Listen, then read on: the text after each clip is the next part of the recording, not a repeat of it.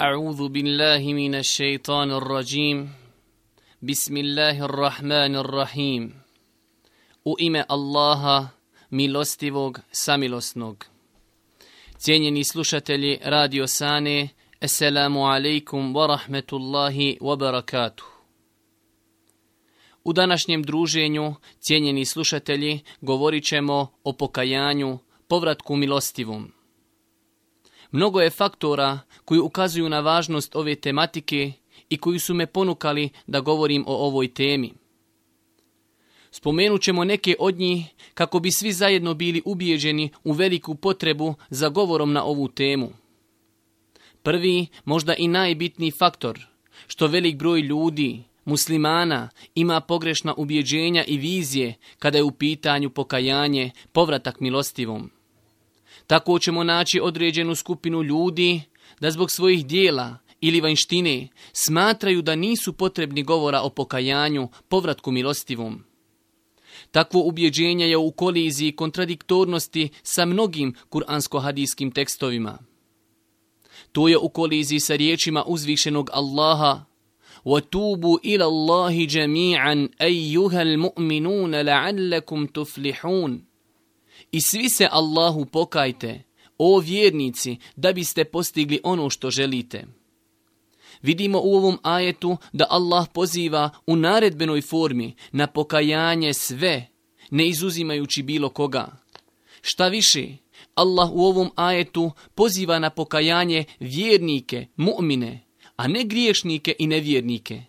Ako je poziv upućen vjernicima, onima koji su pokorni Allahovi robovi, onima koji su pokorni Allahovi robovi, da pod ovu naredbu potpadnu griješnici i nevjernici mnogo je preći. Ubjeđenje da nismo potrebni govora o pokajanju, povratku milostivom je u koliziji sa riječima Allahu poslanika alihi selam, gdje kaže svi potomci Ademovi griješi, ali su najbolji oni koji se kaju za počinjene grijehe. Vidimo iz ovog hadisa da svi ljudi griješi bez izuzetka, ali su najbolji oni među njima koji se kaju i vraćaju milostivom Allahu. Da ne postoje druga neispravna ubjeđenja o povratku milostivom, osim ovoga, to bi bio dovoljan razlog da govorimo o ovoj temi. Ako na sve spomenuto pridodamo da ima ljudi koji odgađaju pokajanje za neka, po njima odgovarajuća vremena, to bi bio dodatni motiv da se govori o pokajanju. Velik broj ljudi odgađa pokajanje, povratak milostivom za stare dane. Neki pa govori da će se pokajati kada odu na hađ. Neki kada se oženi, neki kada završe školu, a neki kada se zaposli. Sve spomenuto su šeitanove spletke u koje se, nažalost, u koje se, nažalost, upecao velik broj čovječanstva. Tako je lahko shvatiti da su to šeitanove spletke. Da ne postoji drugi način, da bi shvatili da su to šetanove spletke. Osim što niko ne zna kada će mu doći melek smrti u goste, to bi bilo više nego dovoljan pokazatelj da su to šeitanske spletke. Kako odgađati pokajanje za stare dane ako ne znamo da li ćemo ih doživjeti? Kako odgađati pokajanje za odlazak na hađ, a sami ne znamo da li ćemo doživjeti da odemo na hađ? Također, od pogrešnih ubjeđenja koja se vezuju za pokajanje i to da određene skupine ljudi misle kako za njih nema pokajanja, da su vrata pokajanja zatvorena pred njima.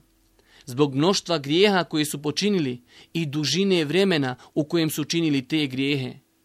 To je opet jedna od šetanovih zamki u koju je pao velik broj griješnika.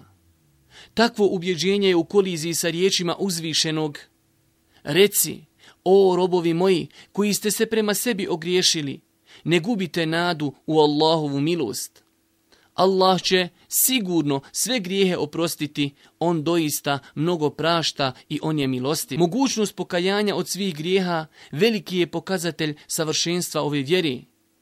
Vjera koja je dozvolila da ljudi koji su velik dio života proveli u nepokornosti milostivom ili izvan vjere Islama, da se vrati u okrilje milostivom Allahu. Tu je u isto vrijeme pokazatelj veličine Allahove milosti prema njegovim stvorenjima. I na kraju govora o faktorima koji ukazuju na bitnost ove tematike ne možemo, a da ne spomenemo težinu vremena u kojem živimo kao jedan ključni faktor zbog koje govorimo o pokajanju, povratku milostivom. Vrijeme u kojem živimo je karakteristično po tome da su ljudi doživjeli veliki duhovni krah, da su načela vjere bacili daleko iza leđa, odali se svemu što im zabranjuje njihov gospodar, pa čak i onim stvarima u čiju štetnost još na Dunjaluku već odavno razumni ljudi ne sumnjaju. Na svakom koraku vidimo konzumiranje alkohola, droge, duhana. Prostitucija je postala svakodnevnica velikog broja muslimana – Poslovanje kamatom je prisutno na svakom koraku. Mito, korupcija također. Razgoličeno žina na našim ulicama je postala normalna stvar u očima mnogih. Grijesi zbog kojih su uništavani prijašnji narodi, kako nam o tome govori Kur'an, postali su normalna stvar kod velikog broja onih koji se deklarišu kao muslimani. Zbog svega spomenutog veoma je bitno da govorimo o ovoj temi. Ovo je poziv svima da se ostavi onoga što im je zabranjeno od strane mudrog zakonodavca, kako bi živjeli još na ovom svijetu lagodno i u miru, a to bi bio razlog našeg uspjeha na budućem svijetu. Mnogo je argumenata koji ukazuju na obaveznost pokajanja svim ljudima, bez razlike kojem sloju i staležu pripadali. Zbog skučenosti s vremenom spomenut ćemo samo neke od njih, riječi uzvišenog Allaha, o vi koji vjerujete, pokajte se Allahu iskreno, da bi gospodar vaš preko ružnih postupaka vaših prešao i da bi vas u džennetske bašće, kroz koje će rijeke teči, uveo. Na obaveznost pokajanja za sve ljude, bez izuzetka, ukazuju riječi Allahovog poslanika alihi selam, gdje kaže – o ljudi, pokajte se Allahu i tražite njegov oprost. Zaista se ja pokajem Allahu u jednom danu stotinu puta. Ako se je Allahu poslanik alihi selam kajao u toku jednog dana stotinu puta, pa mi smo mnogo preći da se pokajemo više od tog broja, a da ne spominjemo razliku između nas i Allahu poslanika – između vremena u kojem je živio Allahu poslanik i vremena u kojem mi živimo. Kada govorimo o pokajanju, povratku milostivom, ne možemo, a da ne spomenemo argumente koji ukazuju na vrijednost pokajanja, povratka milostivom. To sve s ciljem, ne bi li se u našim srcima probudila i pojavila želja za pokajanjem, povratkom milostivom Allahu, želja za ostavljanjem loših navika, ostavljanju osobina koje ne doliči razumnom insanu, želja da se zasluži Allahova milost i njegova vječna nagrada koju je pripremio za pokorne robove. Povratkom milostivom čovjek ulazi u skupinu Allahovih miljenika, oni koji on voli. Može li razuman čovjek, musliman, očekivati veću i bolju nagradu? da imamo priliku još na Dunjaluku da učinimo djelo zbog kojeg ćemo postati Allahovi miljenici, one koje On voli. Kako bi se veselio svako od nas kad bi predsjednik neke države javno izjavio da nas voli? Pa kako treba da se veselimo ljubavi uzvišenog, stvoritelju predsjednika i oni kojima presjedavaju? Kaže uzvišeni Allah Inna Allahe yuhibbu tawabine wa yuhibbu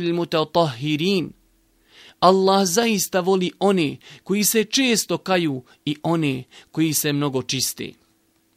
Povratkom milostivom čovjek čini dijelo kojim raduje uzvišenog Allahom.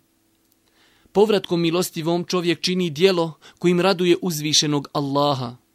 Zamislite, čovjek, ovo dunjalučki prolaznik, može na Dunjaluku da učini dijelo kojim će razveseliti svoga gospodara? Zar postoji razuman insan koji ne bi dao sve da on učini dijelo kojim će razveseliti svoga gospodara? Onoga koji nije potreban nas niti naših dijela. Kazao je Allahu poslanik alihi selam. Allah se više obraduje pokajanju svoga roba koji se pokaje nego što bi to učinio neko od vas kada bi bio na putovanju, na devi, kroz pustinju i izgubio je, a na njoj mu sva hrana i voda. Pa je dugo tražio, izgubivši svaku nadu da će je naći, legao u hlad drveta da se odmori. Odjedan put ugleda svoju devu, kako stoji u neposrednoj blizini, te odma skoči i uhvati je i od silne radosti uzvikne, Bože, ti si moj rob, ja sam tvoj gospodar, pogrešivši od silne radosti ko smo mi da se uzvišeni Allah, stvoritelj zemlje i nebesa, raduje našem pokajanju. Mi nismo svjesni Allahove milosti prema njegovim robovima. Toliko je velika ljubav milostivog prema njegovim robovima da je veća od ljubavi majke prema njenom djetetu. Prenosi se od Omera radijallahu ta'ala anhu da je kazao Allahovom poslaniku je dovedeno roblje. Među njima je bila žena koja je tražila svoje dijete. Kada ga je našla, uzela ga je, prislonula u svoje grudi i nahranila ga. Tada nas upita Allahu poslanik, mislite li da bi ova žena bacila svoje dijete u vatru? Rekli smo, ne, tako nam Allaha, ona to ne bi učinila ako bi to mogla izbjeći. Reče Allahu poslanik, Allah je prema svojim robovima milostiviji od milosti ove majke prema njenom djetetu. Iskrenim povratkom Allahu čovjek stiče pravo da mu Allah oprosti njegove grijehe. I ne samo to, već da njegova loša djela pretvori u dobra. Takav vid obhođenja ne možemo naći osim kod milostivog Allaha. Na dunjaluku, ako nekome naneseš nepravdu i zatražiš oprost, ako ti halali, to je velika počast i to ukazuje na veličinu ličnosti te osobe dok je milost Allahova tolika, ne samo da prašta grijehe onima koji se pokaju, već će njihove grijehe pretvoriti u dobra djela. Kaži uzvišeni Allah, a onima koji se pokaju i uzvjeruju i dobra djela čini, Allah će njihova loša djela u dobra promijeniti, a Allah prašta i samilostanje. Nakon što smo spomenuli argumente koji ukazuju na neke koristi pokajanja, povratka milostivom, spomenut ćemo neke zapreke koje su se ispriječile na putu onih koji bi željeli da se pokaju, okrijenu novu, čistu stranicu u svom životu.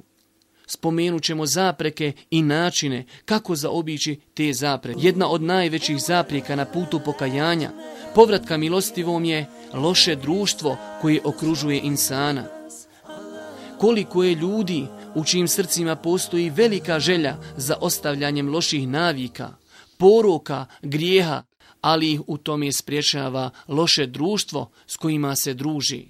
Razuman insan bi trebao da dobro i sa mnogo pažnje pogleda u ljude s kojima se druži. Ako su to oni koji ga odgovaraju od čestitosti, poštenja, moralnih osobina, onda su to oni od kojih bi trebao da bude što dalje. Ako su to oni koji konzumiraju alkohol, duhan, drogu, svoje vrijeme provode po kafićima, onda su to oni koji što si dalje od njih bliži si gospodaru i njegovom zadovoljstvu. Allahu poslanik je kazao, čovjek je na vjeri svoga prijatelja, pa neka svako od vas gleda koga će za prijatelja uzeti. Čovjek bi trebao da traga za onim društvom koje će ga pozivati i posticati na moralne osobine, na čednost, poštenje, pridržavanje za ono što od nas traži mudri zakonodavac. Roditelji u svemu ovome imaju veliku ulogu. Roditelji ne smiju da puste svome djetetu da samo bira prijatelje, jer dijete nema dovoljno afiniteta da bi moglo da izabere sebi prijatelje koji će mu koristiti za postavljanjem ovog segmenta ljudskog života, odabira prijatelja djetetu, mnogo je lijepe djece krenulo putem droge, alkohola, duhana, prostitucije, kraži. Također, od zaprijeka na putu pokajanja je i stid od ljudi koji okružuju insana. Mnogo je ljudi koji su svjesni da put kojim idu nije put kojim obećava lijep život na Dunjaluku a propast koja ih čeka na ahiretu je mnogo veća. Koliko je ljudi koji znaju da je konzumiranje alkohola zabranjeno i da šteti konzumentu, ali ne mogu da ostave taj porok i stida od ljudi.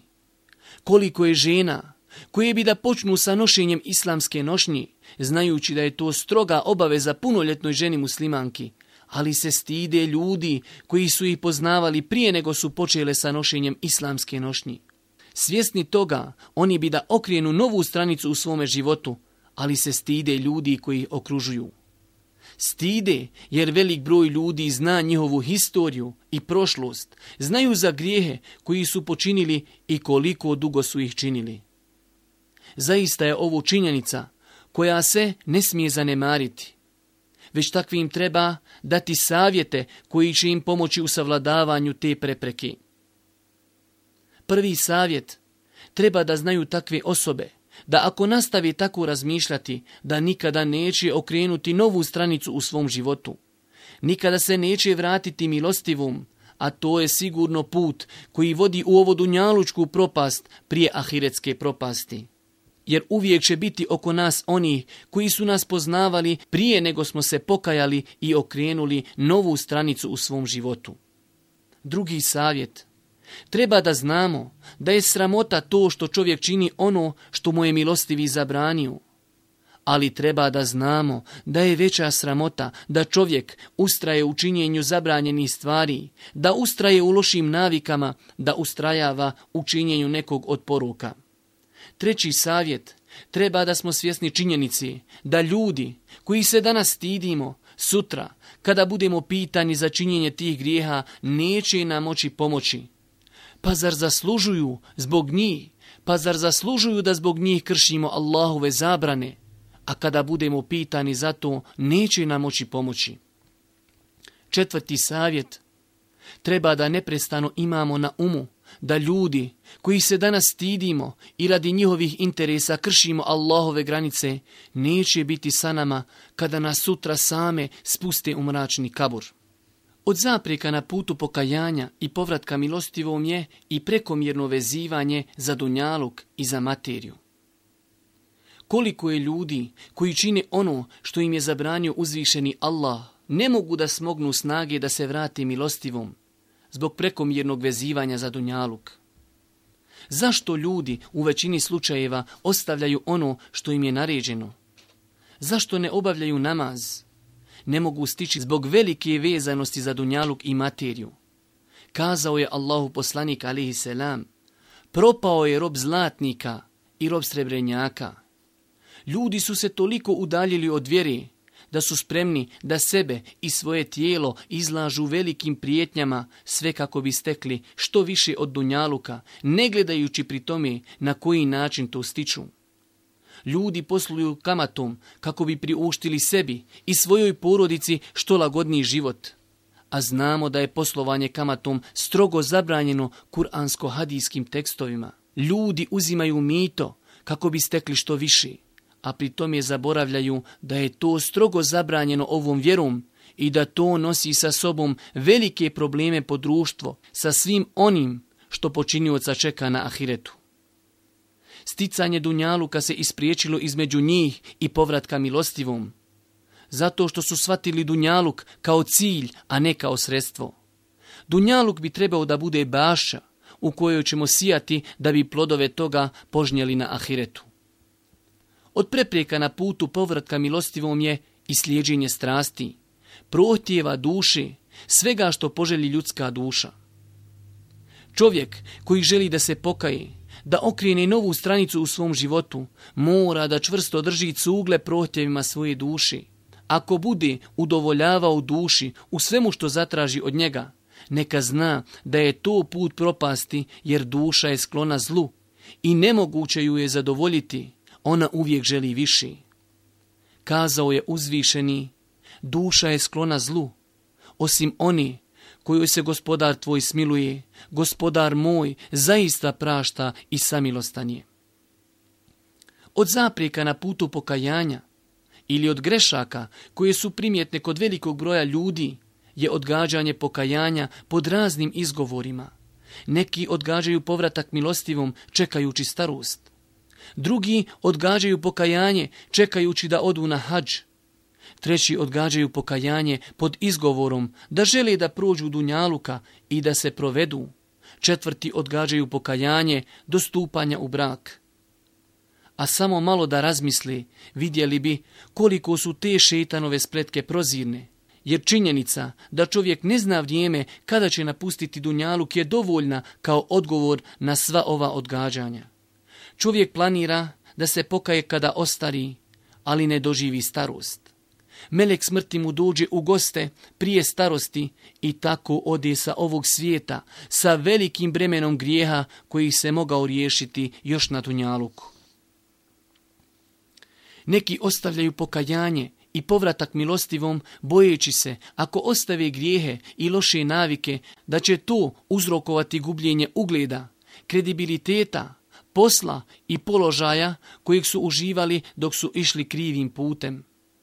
Prvo, nije tačna konstatacija da povratkom Allahu čovjek mora izgubiti ugled, kredibilitet, položaj, funkciju koju je obnašao. Koliko je primjera iz kojih se vidi da se ljudi pridržavaju načela vjeri, a ujedno obnašaju odgovorne funkcije. Drugo, ako bi povratak milostivom nosio sa sobom gubljenje određenih privilegija koje insan uživao u društvu prije povratka milostivom, to ni u kom slučaju ne bi trebalo da spriječi insana da krene putem kojim je zadovoljan njegov gospodar. Ne smijemo pomisliti da prodamo ono što je vječno za ono što je prolazno.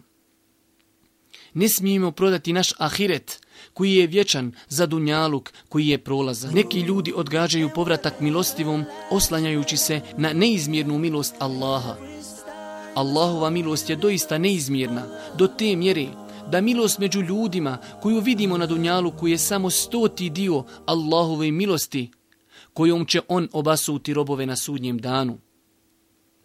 To nas nijukom slučaju ne treba činiti da budemo nepokorni i da očekujemo nagradu za našu nepokornost. Već nas to treba motivisati da se što više trudimo ne bili zaslužili Allahovu milost.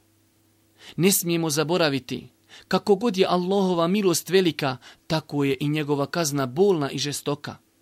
Vatra džehennema, kojom će se kažnjavati ljudi, je 70 puta jača od ovodunjalučke vatri, iako bi i ovodunjalučka vatra bila dovoljna za kažnjavanje. Allahovu milost mogu očekivati oni koji su činili dobra djela, bili pokorni, oni koji su pri tome činili određene prijestupe i zbog toga se kajali. A kako da Allahu milost očekuju oni koji su cijeli život proveli u nepokornosti Allahu? Neki odgađaju povratak milostivom, jer vide da Allah određenim ljudima pušta da griješe, pa pomisli kako i neće stići obećana kazna. Uzvišeni Allah, kada odgovara takvima, kaže A ti nikako ne misli da Allah ne motri na ono što rade griješnici. On im samo pušta do dana kada će im oči ostati otvorene. Ne smijemo zaboraviti da pored insana neprestano bdiju meleki koji pomno zapisuju sve što uradi insan od dobra ili zla i da će čovjek to čitati na sudnjem danu i polagati račun za to. Kaži uzvišeni, on ne izusti ni jednu riječ, a da pored njega nije prisutan onaj koji bdije. Neki odgađaju pokajanje iz razloga što misle da su za njih vrata pokajanja zatvorena zbog mnoštva i raznolikosti grijeha koje su tokom života počinili.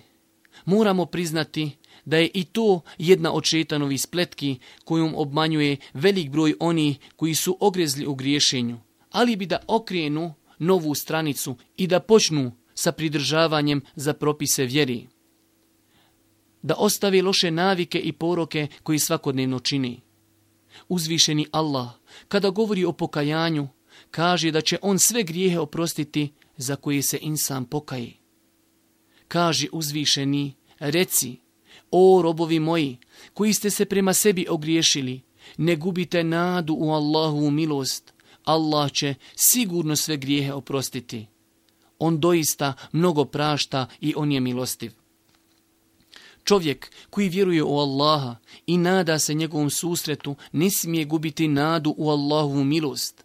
Gubljenje nade u Allahu milost može biti veći grijeh od onog grijeha zbog kojeg je insan pao u očaj. U zadnjem dijelu ovog druženja, cijenjeni slušatelji, spomenut ćemo neke faktore koji olakšavaju povratak milostivom. Prvi faktor koji olakšava povratak milostivom, pokajanje, istinsko vjerovanje i ljubav prema milostivom Allahu. Istinsko vjerovanje i ljubav prema stvoritelju je ta koja čini insana da bude pokoran gospodaru i da se stidi da ga stvoritelj vidi u onome što mu je zabranio. Onaj ko istinski voli gospodara, on će se truditi da mu bude pokoran, a kako da ne volimo gospodara, milostivog, a on je taj koji nas je obdario svim blagodatima koje vidimo oko sebe. Njih je toliko da se ne mogu prebrojati. Zar da ne volimo onoga ko nas je uputio na pravi put, učinio nas sljedbenicima vjeri Islama, učinio nas sljedbenicima najodabranijeg Allahu poslanika. On je taj koji nam je darovao vid, sluh, zdravlje, kisik, vodu, hranu i mnoge druge blagodati. Ako bi željeli da ih spomenemo, trebalo bi nam mnogo vremena i opet ih ne bi uspjeli sve prebrojati. Kaže uzvišeni, i ako biste Allahove blagodati brojali, ne biste ih nabrojali. Drugi faktor koji pomaže u povratku milostivom, kratkoća nadi i sjećanje na smrt.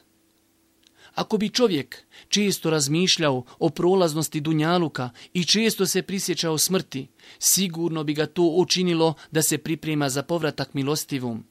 A najbolji način pripreme za odlazak sa ovog svijeta je čestim i iskrenim pokajanjem od grijeha koje insan čini u svakodnevnom životu.